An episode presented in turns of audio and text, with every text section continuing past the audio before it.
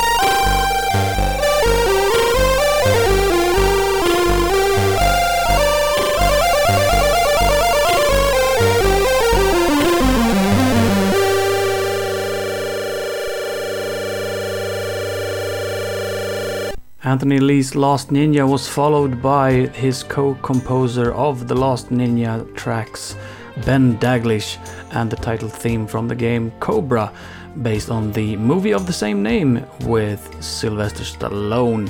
And that track is actually a cover from the soundtrack of the film, a track called Skyline, composed by Sylvester Levay. Uh, the original sounds a bit like this.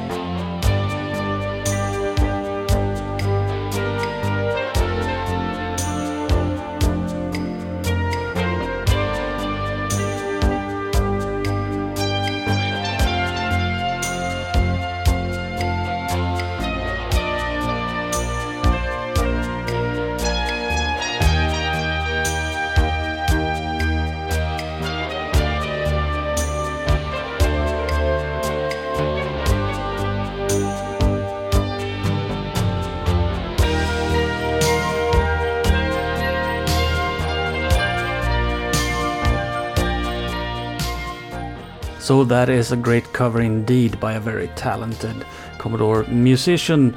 Before we move on with the show,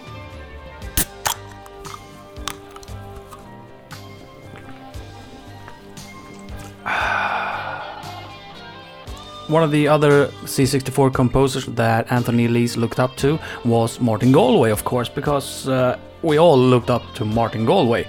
Fantastic composer with an incredible sound and here's one of his most famous tunes, a tune that we will definitely be revisiting lots. That is Comic Bakery right now.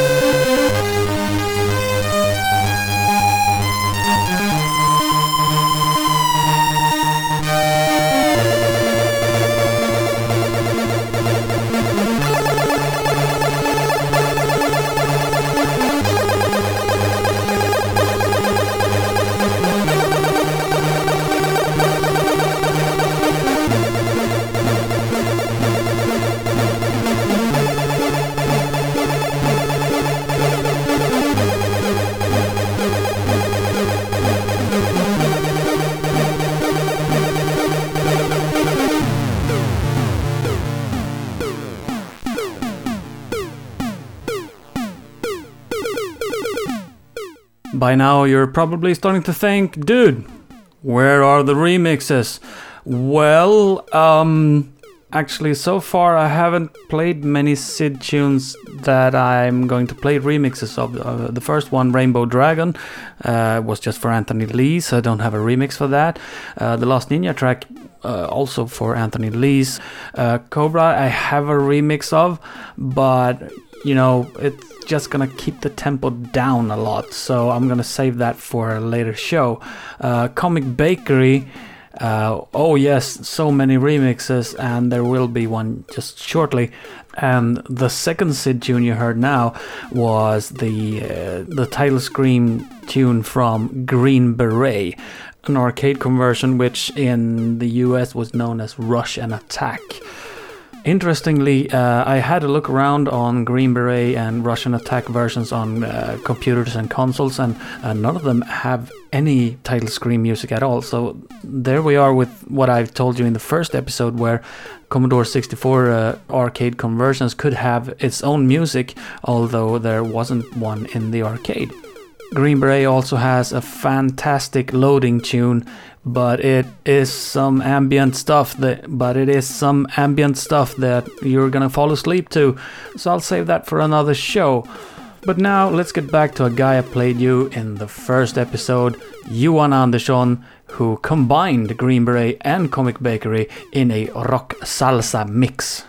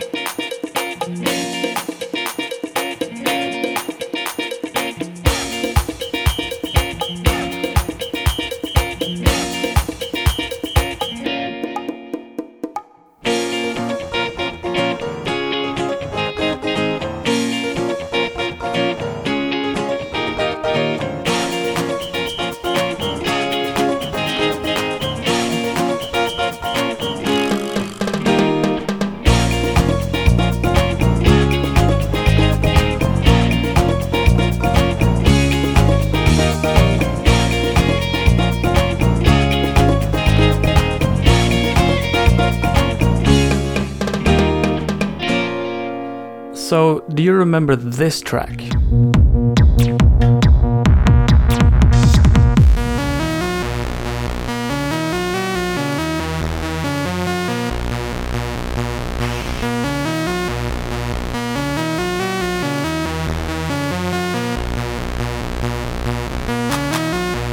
I think you do, and it's possible that you even know the uh, story behind it.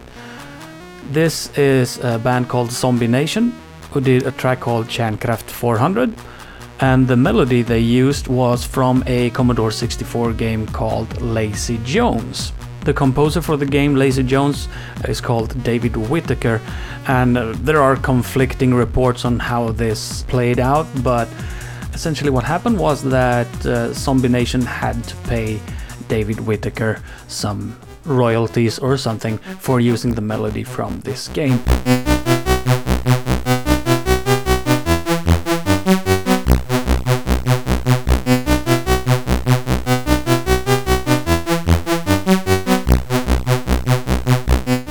Now, the interesting thing about it is that the game Lazy Jones is a series of mini games, and every mini game has its own melody.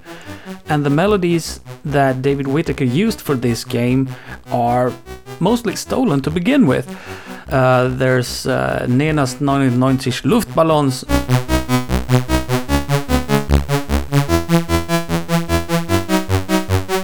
There is Fade to Grey from Visage.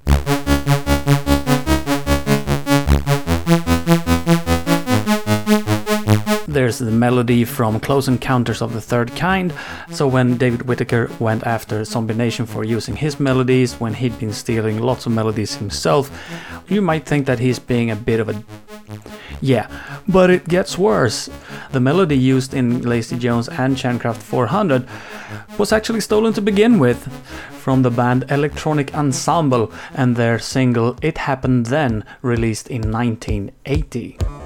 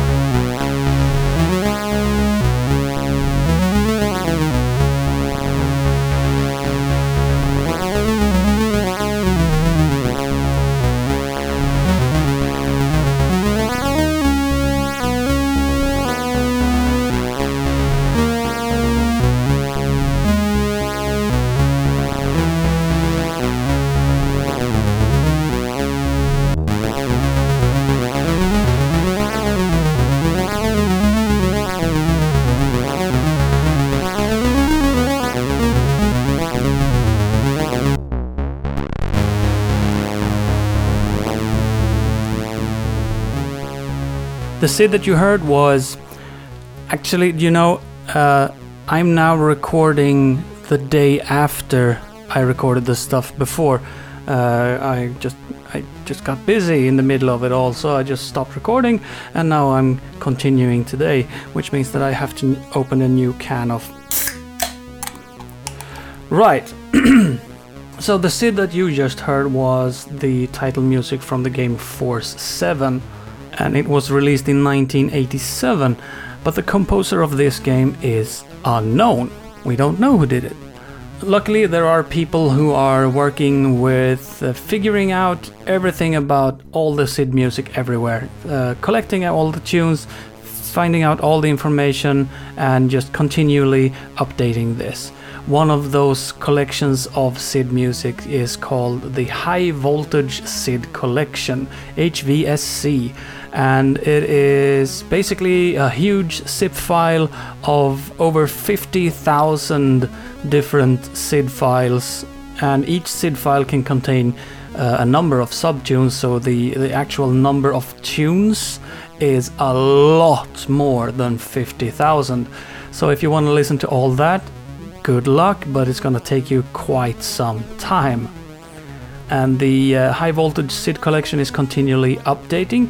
And while I was away, they released update 69, which adds another 473 new SID files to the collection. And on top of that, they have been doing uh, a lot of uh, corrections and updates. They've fixed over 800 bad rips, they've fixed 1100 credits and identified previously unknown tunes. Force 7 continues to be unknown. I don't know if anyone's looking into it, but that's the way it is. Among these 473 new SIDs, you will find both newly composed music as well as old tunes that had just been discovered. And among the new tunes, you can find tracks that are incredible uh, people are doing things that you are not supposed to be able to be doing with the Commodore 64. Uh, there's a guy named Jammer.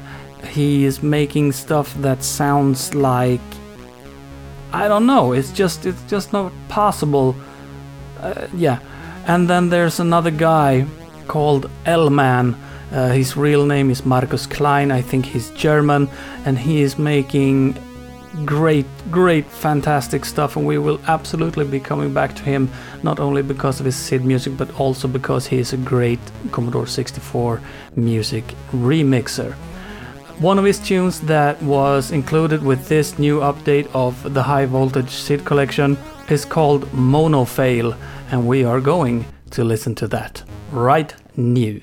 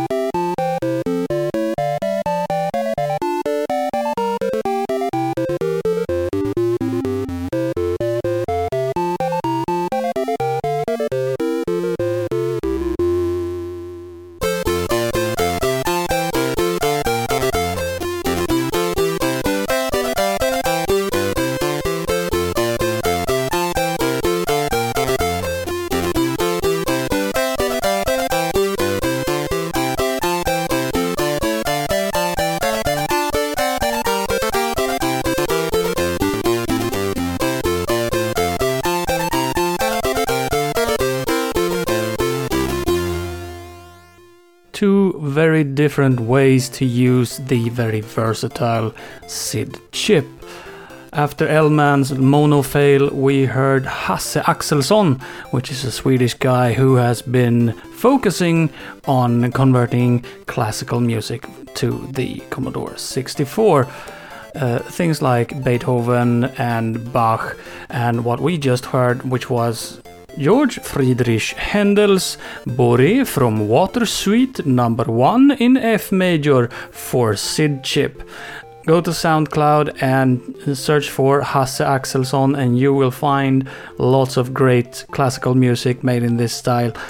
Very cool, in my opinion. I actually uh, quite often listen to the classical radio station here in Sweden when I'm out driving with my car because it can be fantastically great. And sometimes they play opera, and I don't like that. But um, there's also, I, I'm gonna go out on a tangent here because um, you never know where you're gonna find great music. That's just what I want to say. Uh, the classical channel also has the uh, radio shows for the different minorities in Sweden. Uh, among the minorities in Sweden, we have the Sami, uh, which is the uh, people who live way up north. And they have very much their own type of music. They have a type of singing which is called joik and so they have their own show, uh, the Sami Radio. And sometimes I listen to that, even though I don't understand a word they're saying. They have their own language.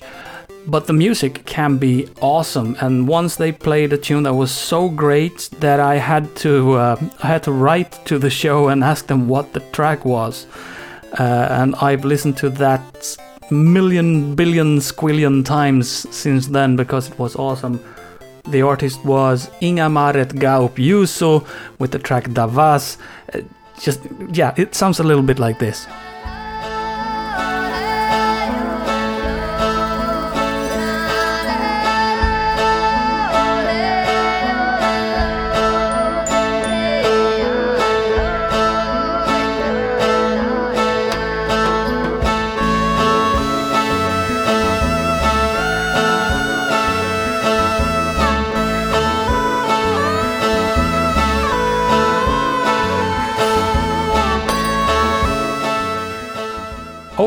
With that, uh, we have reached the last track of the day.